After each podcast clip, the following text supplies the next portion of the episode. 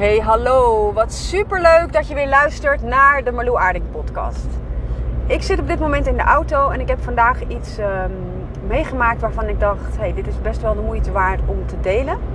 Het is een beetje een persoonlijk verhaal, maar ik ga je erin meenemen. Ik heb vandaag namelijk een afspraak gehad bij de Keizersnede Club.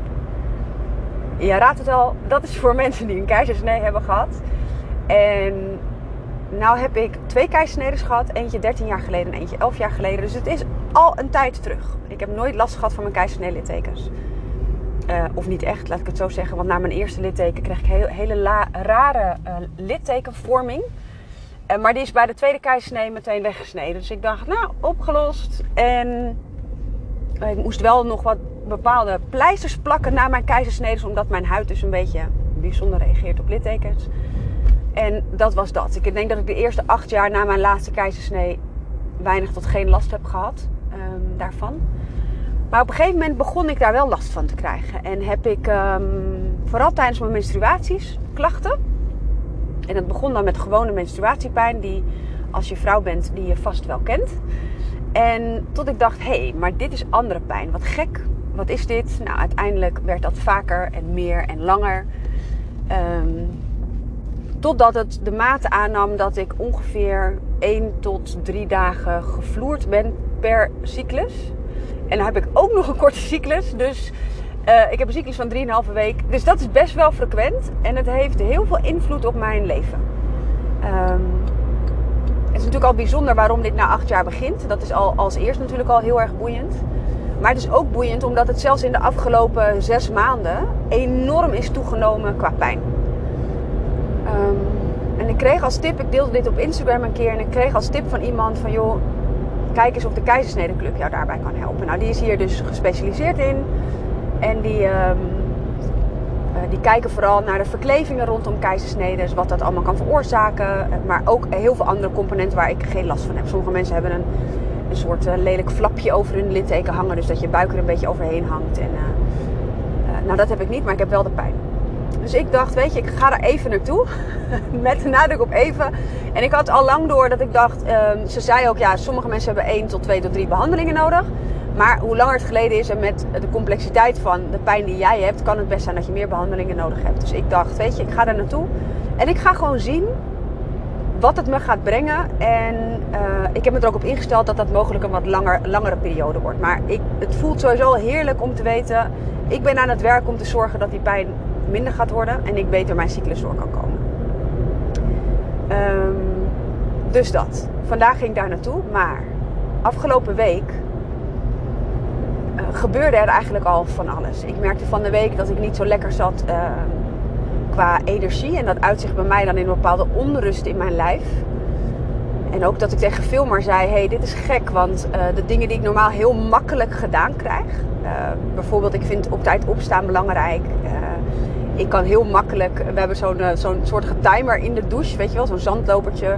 Ik douche altijd minder dan een paar minuten, minder dan vijf minuten. En normaal als die dan leeg is, dan stap ik ook uit de douche.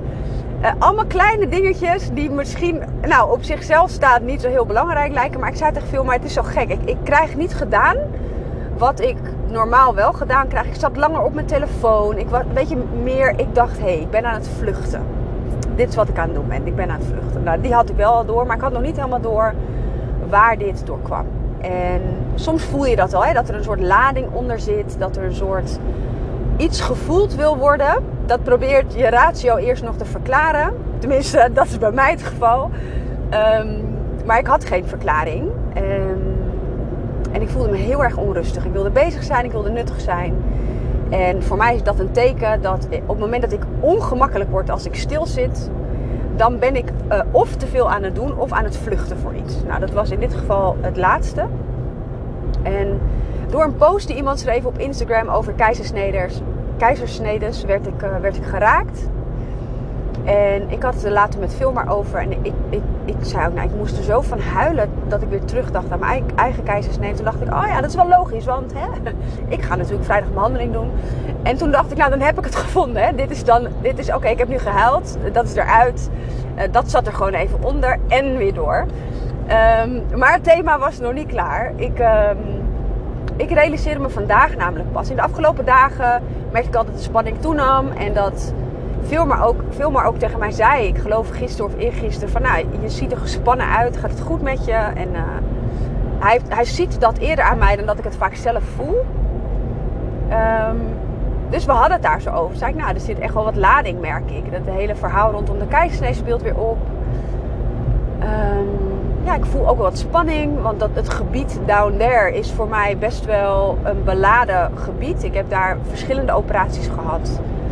Um, onder andere een, uh, een mega traumatische keizersnee. Um, maar er is, alles onder mijn navel is sowieso vrij traumatisch. Dus uh, ik merk dat ik daar heel weinig um, verbinding mee maak. Dus ik was ook een beetje bang voor de pijn. En ik dacht, ja, hoe, hoe, gaat, hoe gaat dat? Weet je wel? Op het moment dat ik een behandeling krijg, wel, ja, wat kan ik daarbij verwachten? Dus ik dacht dat het hem daar vooral in zat. En vandaag onderweg naar deze keizersnedeclub voelde ik eigenlijk pas dat ik dacht: hé, hey, wat bijzonder dat wij dus denken dat dat fysieke stuk, hè, het litteken van je keizersnee, dat ik daarvoor ergens naartoe ga om dat te laten verhelpen, die verklevingen. Maar ik dacht ineens: ja, hallo, die, dat litteken is de poort geweest voor mijn kinderen. En in, in het geval van mijn jongste, de poort geweest tot zijn leven. En het klinkt normaal, want op het moment dat jij gaat bevallen, dan schenk je het leven. Maar uh, zijn bevalling was zo traumatisch dat zo intens.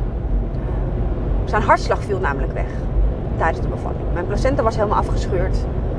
Al wisten ze dat nog niet, ik heb het wel gevoeld. um, hij had geen hartslag meer. Geen. Ze dachten eigenlijk, toen ik een spoedkeizersnede had, dat hij er niet levend uit zou komen. Uh, dat kwam hij wel, gelukkig. Hij heeft een hele slechte start gehad, maar het was bijna een soort. Iedereen was verbaasd dat hij nog leefde. Uh, het was wel heel bijzonder trouwens. Misschien dat wel even mooi om te vertellen. Is dat bij mijn eerste keizersnede uh, mijn dochtertje is geboren met 32 weken. En toen heb ik een keisnede gehad die wel spoed was, maar waar nog wel tijd was voor een ruggenprik. Daar zit vaak een gradatie in, hè? een verschil in tussen hoe spoed het is. En ik was 32 weken zwanger en uh, ik had al veel langer weeën dan dat. Dus er waren al wat signalen van mijn lichaam dat ik dacht, hé, hey, wat gek. En die dag kwam de verloskundige langs en die zei: Ja, je moet gewoon nu naar het ziekenhuis. Uh, ik dacht nog, ja, moet ik ondergoed meenemen? Nou, vast niet. Nou, dat had ik beter wel kunnen doen. Um, toen ik daar kwam, bleek zij het gewoon niet goed te doen in mijn buik. En het was heel duidelijk dat, dat er iets niet oké was. Niemand wist wat. En ze dachten eigenlijk, nou, misschien is het gewoon een kindje wat dismatuur is. Hè? Dismatuur betekent dat het kleiner is dan uh, de duur van de zwangerschap. Dus, dus eigenlijk een soort uh, groeiachterstand heeft. Nou, dat kan dus ook betekenen dat er allerlei andere problematiek speelt. Dus ze dachten, nou, ze moet nu gehaald worden, want het gaat echt niet goed met haar in jouw buik. En we gaan haar halen. Um, dat is gebeurd met een keizersnee. En tijdens de keizersnee kwamen ze erachter dat haar. Ik ga trouwens wel even een trigger warning geven. Want op het moment dat jij nu zwanger bent, zou ik hem even laten je mag het voor jezelf even voelen, maar ik ga even vertellen hoe mijn bevallingen zijn geweest. En ze zijn allebei niet plezierig geweest. Dus voel ook even of, dat, of je daar ruimte voor hebt. Zo niet, sorry voor dit abrupte einde dan. Maar dan, dan nodig ik je oprecht uit om daarnaar te luisteren en om dat even los te laten. En als je voelt dat je er wel ruimte naar hebt, uh, there we go. Uh, toen zij, um, toen een keisnede uitvoerde, kwamen ze erachter dat haar navelstreng vijf keer om haar nekje zat. Ze had nooit natuurlijk geboren kunnen worden. Dus ik, ik merkte dat ik vooral heel erg dankbaar was dat, dat, dat zij deze signalen afgaf. Ik was dankbaar dat ze gezond de wereld kwam. Ik was dankbaar dat ze eigenlijk helemaal geen groeiachterstand had. En ondanks dat ze dus vet te vroeg geboren was en in een couveuse lag. En deed ze het naar omstandigheden eigenlijk supergoed. Dus ondanks dat wij een spannende en heftige bevalling hadden en een vroeggeboorte was, zaten wij nog steeds op een soort roze wolk. Niet helemaal natuurlijk, want dat is echt wel anders dan uh, dat je een natuurlijke bevalling hebt of thuis bent. Of, hè. Wij waren op en neer aan het rijden naar het ziekenhuis, dus ook qua keizersnedes. Um, je litteken geneest natuurlijk niet zo goed, want je hebt eigenlijk zes weken rust nodig. Nou, dat heb je niet als je kind in het ziekenhuis ligt. Ehm, maar dat was dat. En een van de dingen waar ik heel veel moeite mee had na deze eerste bevalling was dat ik geen contact met haar heb gemaakt. Op het moment dat ik wist dat er een spoedkeizersnede aankwam. Ik, ik was zo verbouwereerd door alles wat er gebeurd was. Dat, nou ja, het overkomt je ook, hè? dat snap ik ook volledig. Ehm, maar dat was een van de dingen waar ik, waar ik het wel vaak over heb gehad met film. Maar dat ik dacht, oh, wat had ik haar graag in energie voor willen bereiden of een stukje veiligheid willen geven. En toen ik dus uh, ging bevallen van mijn uh, tweede kindje, uh, eigenlijk mijn vierde zwangerschap, want ik heb tussen mijn eerste en mijn tweede geboren kindje heb ik twee miskramen gehad. Maar toen mijn zoontje, toen zwanger was van mijn zoontje, kreeg ik al veel eerder weeën. Al veel eerder dan bij, bij mijn dochter was dat geloof ik, ik weet het niet, mijn 19 of 20 weken. En bij mijn zoontje was het zelfs al met 17 weken. Nou ja, dat is natuurlijk niet oké als je al weeën hebt met 17 weken. Dus ik heb zijn hele zwangerschap heb ik bedrust gehad. Ik maakte de grap dat ik een soort walvis was geworden. Want ik heb natuurlijk gewoon normaal gegeten. Ik mocht dealen met alle emoties die ik heb gehad. En ik kon niet bewegen. Nou, de putten stonden van mijn enkels tot aan mijn nek ongeveer. Het was echt... Nou, ik, en waarschijnlijk denk je, nou, nou, maar doen valt me mee. Maar ik was goed aangekomen. Laten we daar maar op houden. En de hele zwangerschap ben ik bang geweest. En um, de artsen verzekerden mij dat de kans dat dit een keizersnede zou worden gewoon net zo groot was als dat die voor ieder ander zou zijn die voor het eerst zwanger zou zijn of die nog nooit een keizersnede hadden gehad. Ze zeiden uh, nog nooit een keizersnede hadden gehad. Ze zeiden tegen mij: ja, als jij um, met de bevalling die jij hebt gehad van de eerste, dat is gewoon pech geweest. Die navelstreng om haar nekje is gewoon pech geweest. Klonk ook logisch, hè, mijn oog, in mijn ogen. Dus dit kan een hele gewone, normale, natuurlijke bevalling worden. Nou, daar wilden we ook voor gaan. Uh, ik zal je alle details besparen, maar het komt erop neer. De korte versie is dat ik heel veel pijn had thuis. Ik heb letterlijk iets voelen scheuren in mijn buik. Uiteraard naar het ziekenhuis gegaan. En mijn uh, vruchtwater was nog intact. Dus dat maakt ook dat het, het bloeden van, um, van het scheuren van mijn placenta werd tegengehouden. Je weet toch wel, als je ongesteld bent en je zit in bad, dan stroomt het bloed er ook niet uit. Het stroomt er pas uit als je opstaat. Dus de waterdruk zorgt ervoor dat het op zijn plek blijft. Dus ik werd aan de CTG gelegd en um, de pijn was heel erg heftig. Ik had ook meteen koorts erbij en de hele, hele rambam. Dus ze zeiden wel, nou mevrouw, u blijft in ieder geval, maar we hebben niet helemaal duidelijk wat er aan de hand is, dus we observeren u eventjes. Oké, prima. En u, dat werden uren, uren, uren. Mijn vliezen waren nog steeds intact. En op een gegeven moment uh, ging Phil maar naar huis. Dus wij nog even gecheckt, kan hij echt naar huis gaan? Want hij ging ons dochtertje ophalen van het kinderdagverblijf. En uh, naar mijn moeder toe brengen. Die zou haar opvangen. Uh, nee, dat kan echt. Er gaat niks gebeuren. Ehm, nou, hij was weg. Je, je, je kan hem al een klein beetje aanvoelen komen. Maar ik lag aan de, aan de CTG, aan de monitor. En er kwamen allemaal artsen mijn kamer binnen. En die zeiden, ja, het gaat niet goed um, we gaan toch nu ingrijpen. En ik dacht, nee, nee, maar je niet, maar je niet, kan niet. En toen zeiden ze, nou weet je, we gaan je vliezen gewoon breken, want we gaan de bevalling gewoon starten. Hij heeft het niet zo fijn, we gaan dit gewoon in gang zetten. Dus ik nog vragen, joh, um, hè, hoe snel gaat dat? Ik had er geen balverstand van. Ik zeg, hoe snel gaat dat? Uh, moet ik, uh, wacht, kunnen we wachten tot veel? Maar dus nee, dat hoeft helemaal niet, want het is je eerste natuurlijke bevalling. Het kan wel 24 uur duren voordat alles op gang komt. Oké. Dus Filmar was er niet en mijn vliezen werden gebroken. En um, het breken van mijn vliezen was zo hels qua pijn. En ik dacht, nou dat kan niet. Want iedereen, je hoort toch wel vaker, je vliezen worden gebroken. Dus dat, hoezo doet dat zeer? Dus ik vond ook echt dat ik door moest zetten. Maar ze konden mijn vliezen niet prikken. Dus het was, het was heel moeilijk om dat te doen. Um, en uiteindelijk, ik heb wel Filmar, Filmar is nog gebeld van nou we gaan nu haar vliezen prikken. Dus hij is nog sneller gaan doen met wat hij aan het doen was. En hij was onderweg naar het ziekenhuis. En op het moment dat mijn vliezen geprikt zijn, is de ruimte vrij voor al het bloed om te stromen. Um, ik verloor bloed. Maar mijn zoontje natuurlijk ook. Want die zat aan die placenta vast, die dus afgescheurd was. Um, ja, het, het, was intens. Laat ik het daar maar op houden. Op het moment dat ik daar lag en uh, ook echt voelde dat het misging, kwam veel maar binnen. En op dat moment zakte de hartslag van onze zoon weg. Dus hij. Ehm, paniek was er. Het was totale paniek. En wij vonden bij de eerste bevalling al dat het snel ging, die spoedkeizersnede. Het was echt een soort film die zich dan afspeelt. Hè. Je rent door de gang. Je ziet al die TL-buizen boven jou uh, voorbij flitsen. Je moet zo snel mogelijk naar de operatiekamer. Uh, hartstikke spannend, maar er was nog tijd voor een ruggenprik. Dus dat, het was spoed, maar uh, in vergelijking met onze tweede was dat niet zo heel veel spoed eigenlijk. Want bij de tweede hadden wij door hoe ontzettend levens, als het levensbedreigend is, hoe ontzettend snel dat kan gaan. En ik ben mega, mega dankbaar voor hoe er op dat moment gehandeld is. Want, en dat is dus ook heel bizar. Ik ben zelf uh, verpleegkundige, of ik ben heel lang verpleegkundige geweest. En op het moment dat zijn hartslag wegzakte, ik had dat niet door, want ik verging van de pijn. Dus ik was helemaal naar binnen gekeerd.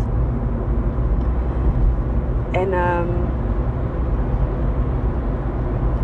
zijn hartslag zakt weg. Filmar heeft dat wel gezien. En die artsen beginnen dus in hun, in hun vakjargon te praten. En ik had al lang door dat toen ik ze dat hoorde zeggen, dacht ik: fuck, het is echt mis. Het is mis, het is mis. En Filmar keek om zich heen, die heeft helemaal geen medische achtergrond. Uh, nu ondertussen wel, maar toen niet. En die dacht echt: wat de fuck gebeurt er? Nou, als je het hebt over spoed, dan heb je het over spoed. Wij gingen echt als een sneltrein door die gangen. En ik weet nog dat veel maar naast me rende in het bed waar ik in lag. Heel team naar de OK. Rennen, rennen, rennen. Ik werd de OK opgereden en de anesthesist, ik vergeet het nooit meer. Ik had echt wel door dat het spoed was. Op dat moment wist ik nog steeds niet dat hij geen hartslag had. Ik wist het gewoon niet. Het was me niet verteld. Ik heb het niet gezien. Ik heb het beeld van de CTG niet gezien. En ik weet nog dat de anesthesist, anesthesist tegen mij zei: Ik breng je zo laat mogelijk in slaap, zodat de baby nog zoveel mogelijk zuurstof krijgt. Dus hij hield me zo lang mogelijk wakker, terwijl er dus al van alles aan mijn lijf gebeurde. Normaal brengen ze je dus eerder in slaap. En hij wachtte dus met het in slaap brengen, omdat de baby dan zoveel mogelijk zuurstof krijgt. En ik dacht: fuck, het is echt mis. Het is gewoon mis. En ik weet dat ik op dat moment naar binnen kon keren. En ik ben zo dankbaar. Um, het raakt me ook nog steeds als ik erover praat. Zo dankbaar dat ik dat heb kunnen doen. En dat ik dat voelde dat ik dat mocht doen. En ik heb contact gemaakt met, met, met de baby in mijn buik, met mijn zoontje. En ik heb alleen maar gezegd, hou vol, hou vol. Uh, het is bijna zover, ze komen je halen, hang in there, weet je wel. En ik heb hem liefde gestuurd, ik heb hem kracht gestuurd. En op dat moment ben ik in slaap gebracht. Dus het laatste wat ik wist is dat ik dus contact met hem had. Het ging zo snel dat maar terwijl hij dus rennend naast mijn bed stond, hè, rennend door de gang bedoel ik liep. Mijn buik was al opengesneden. Hij was er al uitgehaald voordat Vilmar zich om had gekleed. Je moet je als vader omkleden voordat je er elkaar op mag. Hij hoorde uh, onze kindje al huilen toen hij zich nog aan het omkleden was. Hij dacht eigenlijk, dit moet een ander kind zijn, dit gaat niet over die van mij. Want hij had dus wel door dat hij geen hartslag had. En ons kind zou dus niet kunnen huilen, want hij zou er niet levend uitkomen. En hij huilde wel. Hij is daarna ingekacheld, maar toen hij eruit kwam, huilde hij wel. En ik weet nog dat de gynaecoloog, ik sla nu even een stap over hoor. Dat de gynaecoloog de volgende dag aan mijn bed stond en tegen mij zei: Um, ik heb nog nooit in 25 jaar tijd zo snel een keizersnee uitgevoerd. Vanaf het moment dat wij zien dat de hartslag wegviel, totdat hij geboren was. Ze tellen die minuten ook echt, hè.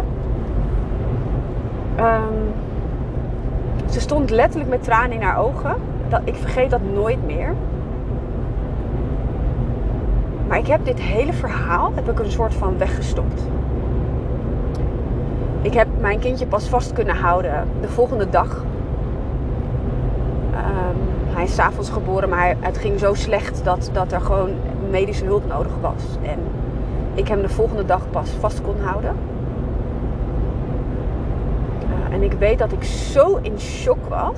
En ik vind het heel heftig om te vertellen, maar dit was wel de realiteit. Dat ik dacht, ja, hoe weet ik of dit mijn kind is? Want ik was onder narcose geweest. En hij had zoveel bloed verloren dat hij witter dan wit was. Het leek, we, we, grinniken er wel eens omdat hij bijna een Chineesje leek toen hij geboren was. Ik dacht echt, ja, maar is dit dan mijn kind? En ik was zo ongelooflijk in shock. En ik zat zo onder de morfine en onder de... Uh, ja, gewoon nog suf van de narcose, zeg maar. Dat ik gewoon dacht, ja, super leuk dat ik hem vast mag houden. Maar neem me maar gewoon terug, weet je wel. Uh, doe maar, weet je zo. En dat was eigenlijk natuurlijk al het eerste signaal dat, er, dat dat niet helemaal goed ging. En uiteindelijk bleek ik ook een postnatale depressie te hebben. En ook een, uh, zelfs een posttraumatische st stressstoornis door deze bevalling. Um, en ik ben dit aan het vertellen aan jou. Eén momentje. Sorry, ik was even afgeleid. Ik moest even kijken of ik goed ging rijden. Soms heb je dat, hè? Um, maar dit hele verhaal kwam dus terug op het moment dat ik dus deze afspraak had gemaakt voor mijn keizersnee. En dat is natuurlijk best een beetje. Momentje. Oh jongens, ik kan niet autorijden en podcast opnemen tegelijk. Um, dit werd ontzettend aangeraakt hierdoor. En ik weet dat ik. Ik heb dit ook nooit echt een plekje gegeven. Want aan wie vertel jij je bevallingsverhaal? En aan wie ga je vertellen dat, want ik weet dat na de bevalling van onze zoon, dat er toen gezegd werd, zowel door de gynaecoloog als door de kinderarts, als er nog een andere uh, arts, letterlijk in, in de eerste 24 uur na de bevalling, van nou, wij adviseren je om echt nooit meer zwanger te worden. De kans dat jij het overleeft of je kindje het overleeft is zo klein. Dit, is, dit was echt heavy. Ik heb uiteindelijk ook gekozen om mezelf te laten helpen.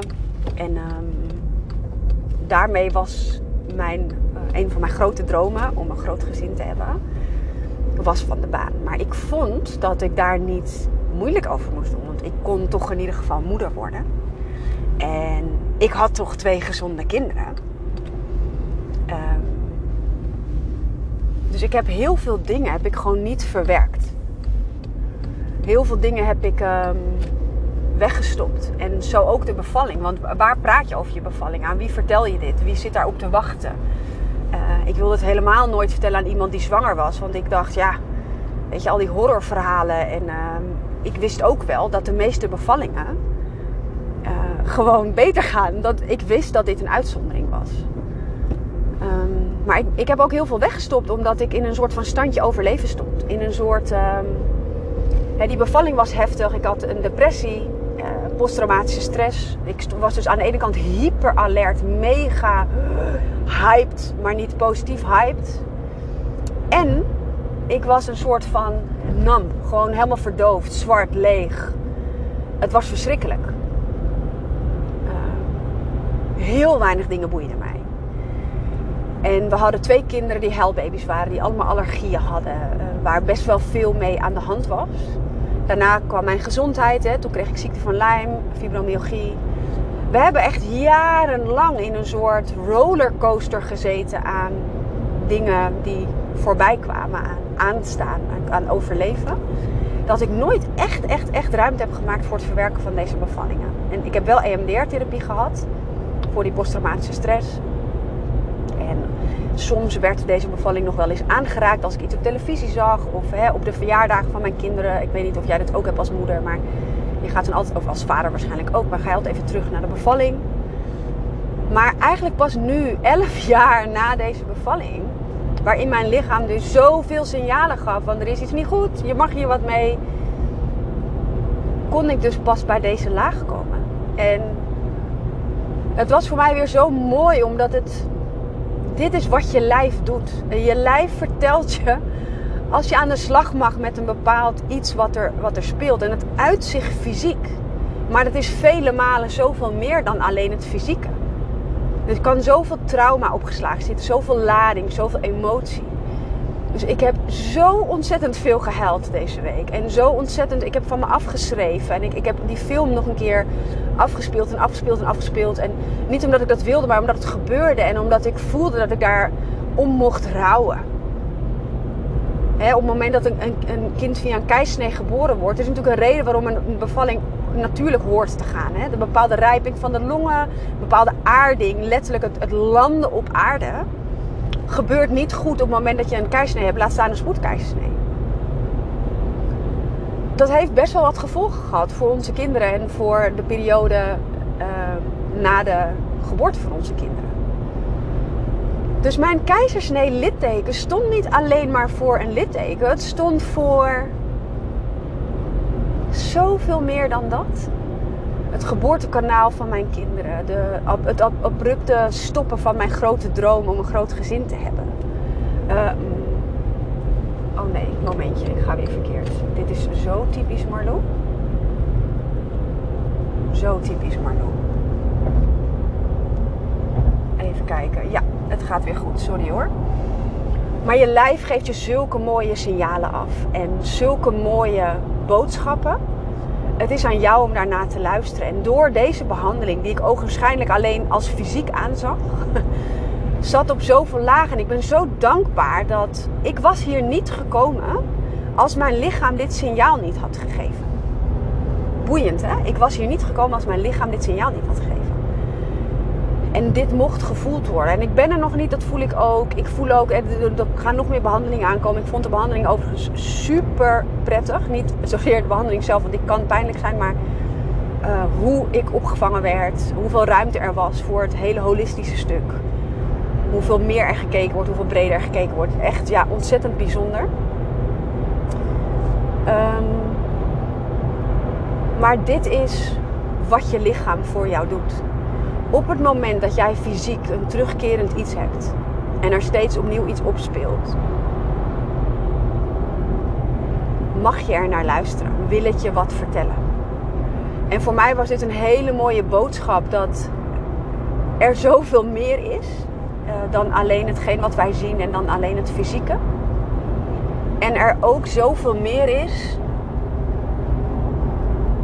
Ik ga hier toch heel eventjes de weg af dan, dan het oppervlakkige. Snap je wat ik bedoel? De lagen die onder bepaalde trauma's kunnen zitten. En trauma's kunnen groot en klein zijn, maar de lagen die daaronder kunnen zitten, kunnen zoveel van jou uh, vragen en zoveel ruimte nodig hebben om weer te mogen helen. Dus het was een hele persoonlijke podcast. Um, eentje waar ik je hopelijk niet mee heb kunnen. Nou, niet bij heb laten schrikken, laat ik het zo zeggen. Dat is absoluut niet mijn bedoeling geweest. Maar het is echt een stukje van mijn eigen helende reis. Waarvan ik voel dat ik, uh, ja, dat ik hier zelf ruimte voor mocht maken. En een proces waar ik zelf in zit. Dus ik wil je bedanken voor het luisteren. En als jouw lijf je iets vertelt, luister er alsjeblieft naar. Uh, en maak ruimte voor alles wat er ruimte vraagt. Dankjewel voor het luisteren. En tot in de volgende podcast.